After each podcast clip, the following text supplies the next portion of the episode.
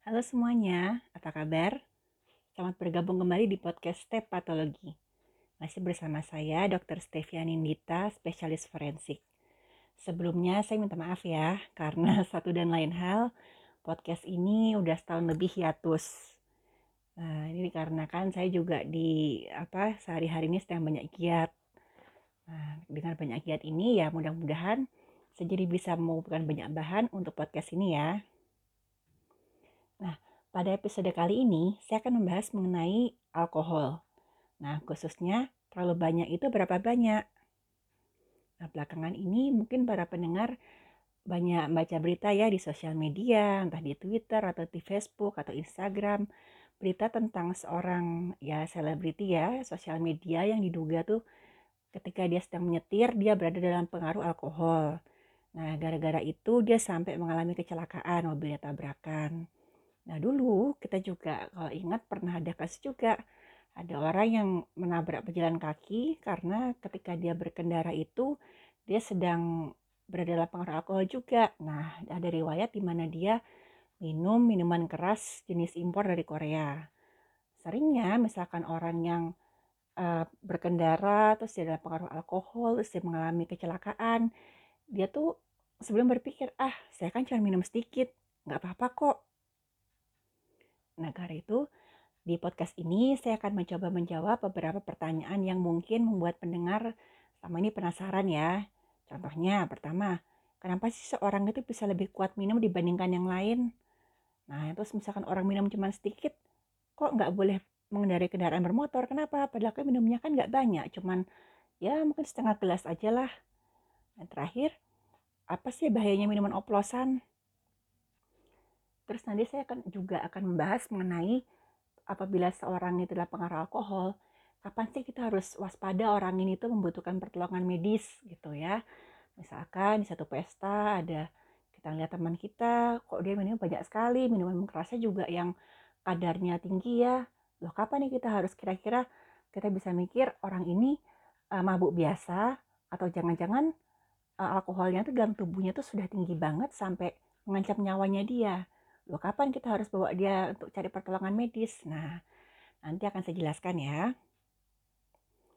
Nah, ini sekarang pertama saya akan mengulang ya apa ngasih paparan sedikit mengenai jenis minuman beralkohol. Nah, kok kita bisa dengar apa di TV-TV itu minuman keras golongan A, golongan B, golongan C. Nah, itu apa maksudnya?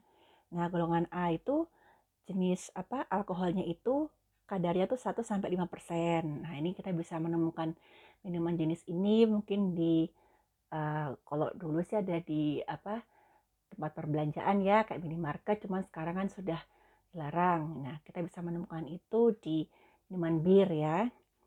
Yang kedua itu golongan B. Nah golongan B itu kadar alkoholnya 5 sampai 20 persen. Contohnya kalau yang kita suka apa dengar sehari-hari itu amer ya anggur merah cap orang tua. Kalau enggak itu intisari ya itu kadarnya 5 sampai 20 persen Nah, yang terakhir golongan C. Nah, golongan C ini yang paling tinggi. Itu ada pada vodka, whisky, kalau kita ingat mungkin ya apa ya? Jack Daniels kali ya, itu yang paling tinggi. 20 sampai 55 persen. Nah, minuman keras yang legal itu semuanya menggunakan alkohol jenis etanol. Sedangkan minuman oplosan itu menggunakan alkohol jenis metanol. Bedanya apa etanol sama metanol ini?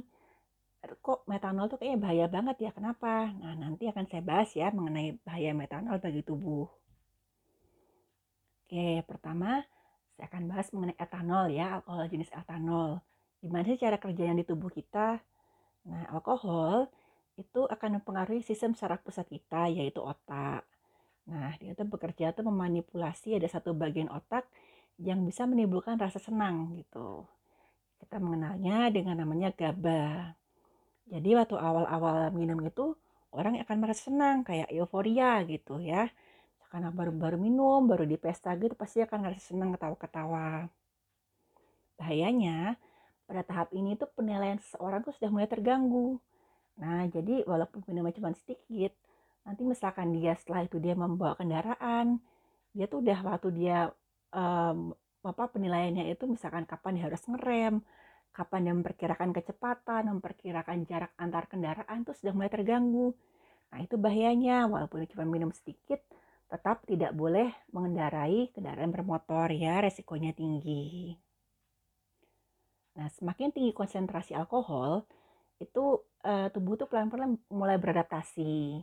Alkoholnya itu mulai diserap sama jaringan tubuh.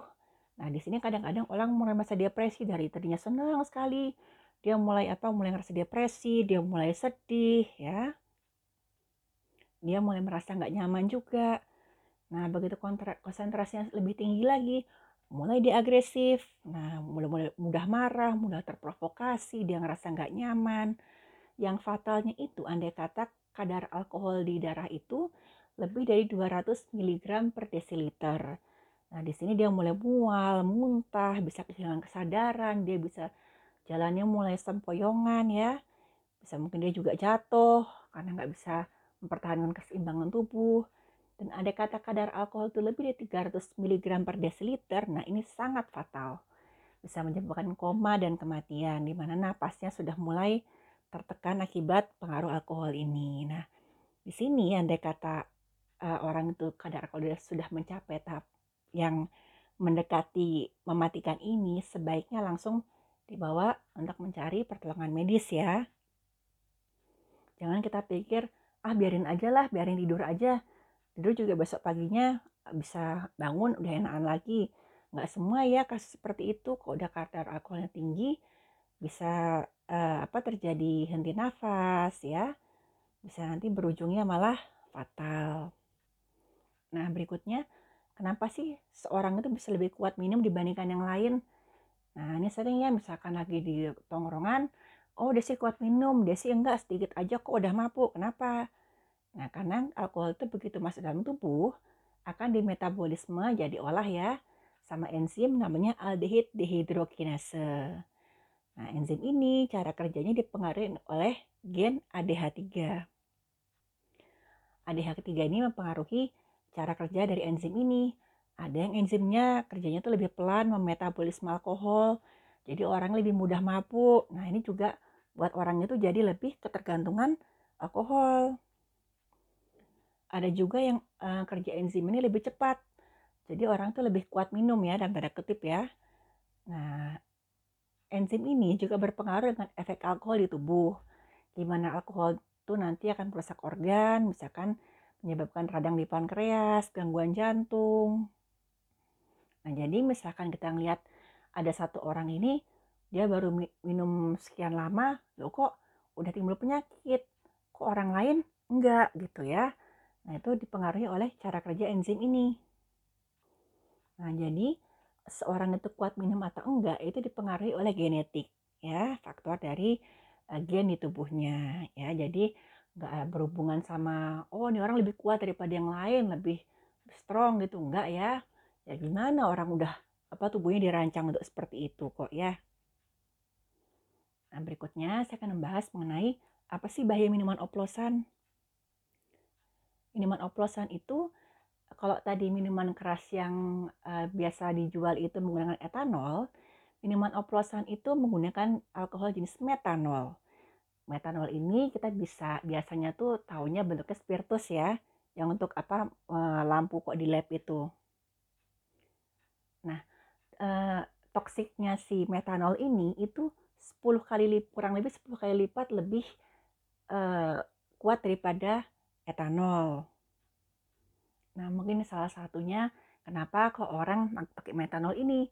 Karena sedikit saja tuh efeknya sudah besar sekali ya. Jadi dibilang oh ini minuman ini mungkin orang pernah dengar tuh uh, oplosan ini cukup orang-orang kuat aja gitu ya. Ya iyalah pakai metanol gitu yang lebih 10 kali lebih kuat tapi bahayanya begitu metanol itu masuk ke dalam tubuh dia tuh akan pasti juga sama kayak etanol tadi ya kayak alkohol akan dimetabolisme di hati dia akan membentuk namanya asam format asam format ini yang bahaya begitu dia menumpuk di tubuh karena untuk dikeluarkan dari tubuh itu waktunya lebih lambat daripada penyerapannya, daripada pembentukannya si asam format ini. Nah, ini menyebabkan uh, pH tubuh menurun, jadi terbentuk namanya asidosis atau darah itu menjadi lebih asam. Efeknya apa aja ya? Ini ada yang kok kita pernah dengar ya orang minum oplosan dia mengalami kebutaan permanen. Ya, jadi kebutaannya itu ya nggak bisa diperbaiki lagi itu bisa terjadi antara 6 sampai 36 jam. Efek fatalnya di otak itu bisa menyebabkan koma dan kejang gara-gara jaringan otaknya itu membengkak ya. Makanya kalau minuman oplosan itu bahayanya nggak main-main. Lah itu tadi yang saya jelaskan itu baru metanolnya, belum bahan-bahan lain. Misalkan dicampur waktu itu uh, kalau kita pernah lihat acara di TV ya, yang mencampur dengan oplosan itu pakai lotion anti nyamuk, racun serangga, macam-macam ya. Nah lalu apa seorang tuh nggak boleh minum alkohol sama sekali? Ya itu tergantung pilihan masing-masing ya. Karena keputusan untuk minum minuman alkohol itu ya mungkin dipengaruhi juga oleh budaya, kepercayaan, dan lain-lain. Nah, andai kata pendengar ini ada yang memutuskan untuk, oke lah saya mau minum alkohol. Nah, ingat ya, harus minum itu uh, drink responsibly, apa, harus dengan tanggung jawab ya. Drink responsibly ya. Pertama, uh, sebaiknya kalau minum alkohol itu pelan-pelan ya. Dan jangan dengan perut kosong karena begitu lambung kita kosong, itu alkohol tuh akan lebih cepat penyerapannya di lambung dan di usus 12 jari. Terus misalkan ada yang mau minum di klub malam atau di apa dugem ya, uh, kalau bisa uh, selalu ingat jangan semuanya mabuk, harus ada satu orang yang sadar ya buat jagain yang lainnya. Yang kedua, jaga terus minumannya, jangan sampai entah dimasukin obat atau apa sama orang jahat kan kita nggak tahu ya di nama juga tempat asing ya. Yang ketiga ingat selalu jangan menyetir walaupun minumnya cuma sedikit. Karena tadi udah saya jelasin ya minuman sedikit aja itu walaupun kita baru merasa senang itu sudah mempengaruhi penilaian kita jadi itu sangat-sangat bahaya kalau misalkan kita bawa kendaraan apalagi kalau kita bawa banyak orang ya. Kemudian uh, kenapa tadi saya bilang kok kok bisa jangan semuanya mabuk harus ada satu orang yang sadar? Karena dia bisa ngelihat uh, kapan sih uh, temannya itu mabuknya kok tampak mengkhawatirkan. Begitu dia ngelihat ini kok kayak mengkhawatirkan banget ya temanku ini ya dia bisa mencari pertolongan medis nah tanda-tanda apa saja yang perlu diwaspadain kapan sih orang ini tuh mabuknya kok udah nggak wajar lagi yang pertama kok kita lihat napasnya dia nggak teratur Nah, jadi dalam satu menit itu dia uh, bernafasnya kita perhatikan tuh kok jarang-jarang ya, kurang dari 8 kali gitu. Terus jarak antara satu tarikan nafas dengan yang lain itu lebih dari 10 detik gitu. Misalkan saya tarik nafas gini, terus kok lama banget, kayak apa kayak ada jedanya lama gitu, baru dia tarik nafas lagi. Nah itu awas hati-hati ya, bisa jadi, bisa jadi itu mulai terjadi penekanan pernapasan pada salah satu tanda keracunan alkohol yang fatal. Terus kita bisa lihat badannya mungkin dingin, kulitnya pucat, atau bibirnya biru, atau jaringan di bawah kukunya mulai biru. Nah itu hati-hati ya. Apalagi kalau si orang ini udah nggak sadar, terus nggak bisa dibangunkan. Ditambah lagi kok dia mulai muntah-muntah atau malah kejang. Nah kalau sudah begitu apa yang bisa dilakukan? Yang pertama, nggak usah takut untuk mencari pertolongan medis lagi-lagi jangan menganggap ah biarin tidur aja lah ntar besok juga mungkin udah kadar alkoholnya turun sendiri ya memang pelan-pelan akan kadar alkohol di darahnya akan turun sendiri tapi bahaya juga kan kalau misalkan sudah terlanjur terjadi apa penurunan pernapasan atau gangguan pada saraf pusat ya yang fatal banget sampai koma jadi harus langsung cari pertolongan medis ya yang kedua jaga agar orang itu tetap sadar ya dipanggil namanya, diajak ngomong, ditanya-tanyain ya. Terus juga jaga agar tubuhnya tetap hangat.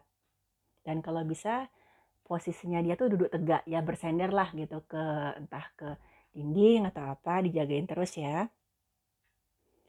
Kalau mereka masih sadar, beri minum sedikit-sedikit ya, boleh minum apa minum air atau mungkin air kelapa sedikit-sedikit aja tapi sering. Tapi ini cuman boleh kalau uh, orangnya sadar ya kalau orang yang sudah nggak sadar justru jangan dikasih minum karena nanti dia akan kesedak kalau orangnya pingsan bandingkan miring ya terus jagain misalkan sewaktu-waktu dia muntah jangan sampai dia kesadar muntahannya sendiri ya andai kata udah nggak sadar juga jaga posisi lehernya ini. Ya jangan sampai jalan nafasnya ketutup. Karena dikhawatirkan itu kok terjadi namanya postural asfiksia di mana si orang ini nggak sadar terus dia uh, posisinya entah uh, kepalanya ketunduk jadi uh, tenggorokannya itu kayak uh, ketutup ya. Itu bahaya karena nanti malah bisa terjadi uh, henti napas. Oke jadi kurang lebih itu yang bisa saya sampaikan ya di episode podcast tepatologi kali ini secara khusus saya ingin mengucapkan terima kasih untuk Bapak saya Bani ya guru saya ketika saya masih uh, program pendidikan dokter spesialis forensik di Undip Beliau yang banyak mengajari saya mengenai topik toksikologi forensik. Terima kasih juga untuk pendengar yang sudah setia mendengarkan. Mudah-mudahan apa yang saya sampaikan bisa bermanfaat ya buat kita semua. Yang pasti eh, semoga semuanya tetap sehat dan jaga kesehatan, terus juga tetap aman semua ya. Jika ada kritik dan saran, bisa langsung hubungi saya entah di Twitter atau di Instagram sama ya namanya ya, stepatologi. Cara nulisnya sama dengan nama podcast ini. Oke, terima kasih. Sampai jumpa di episode berikutnya.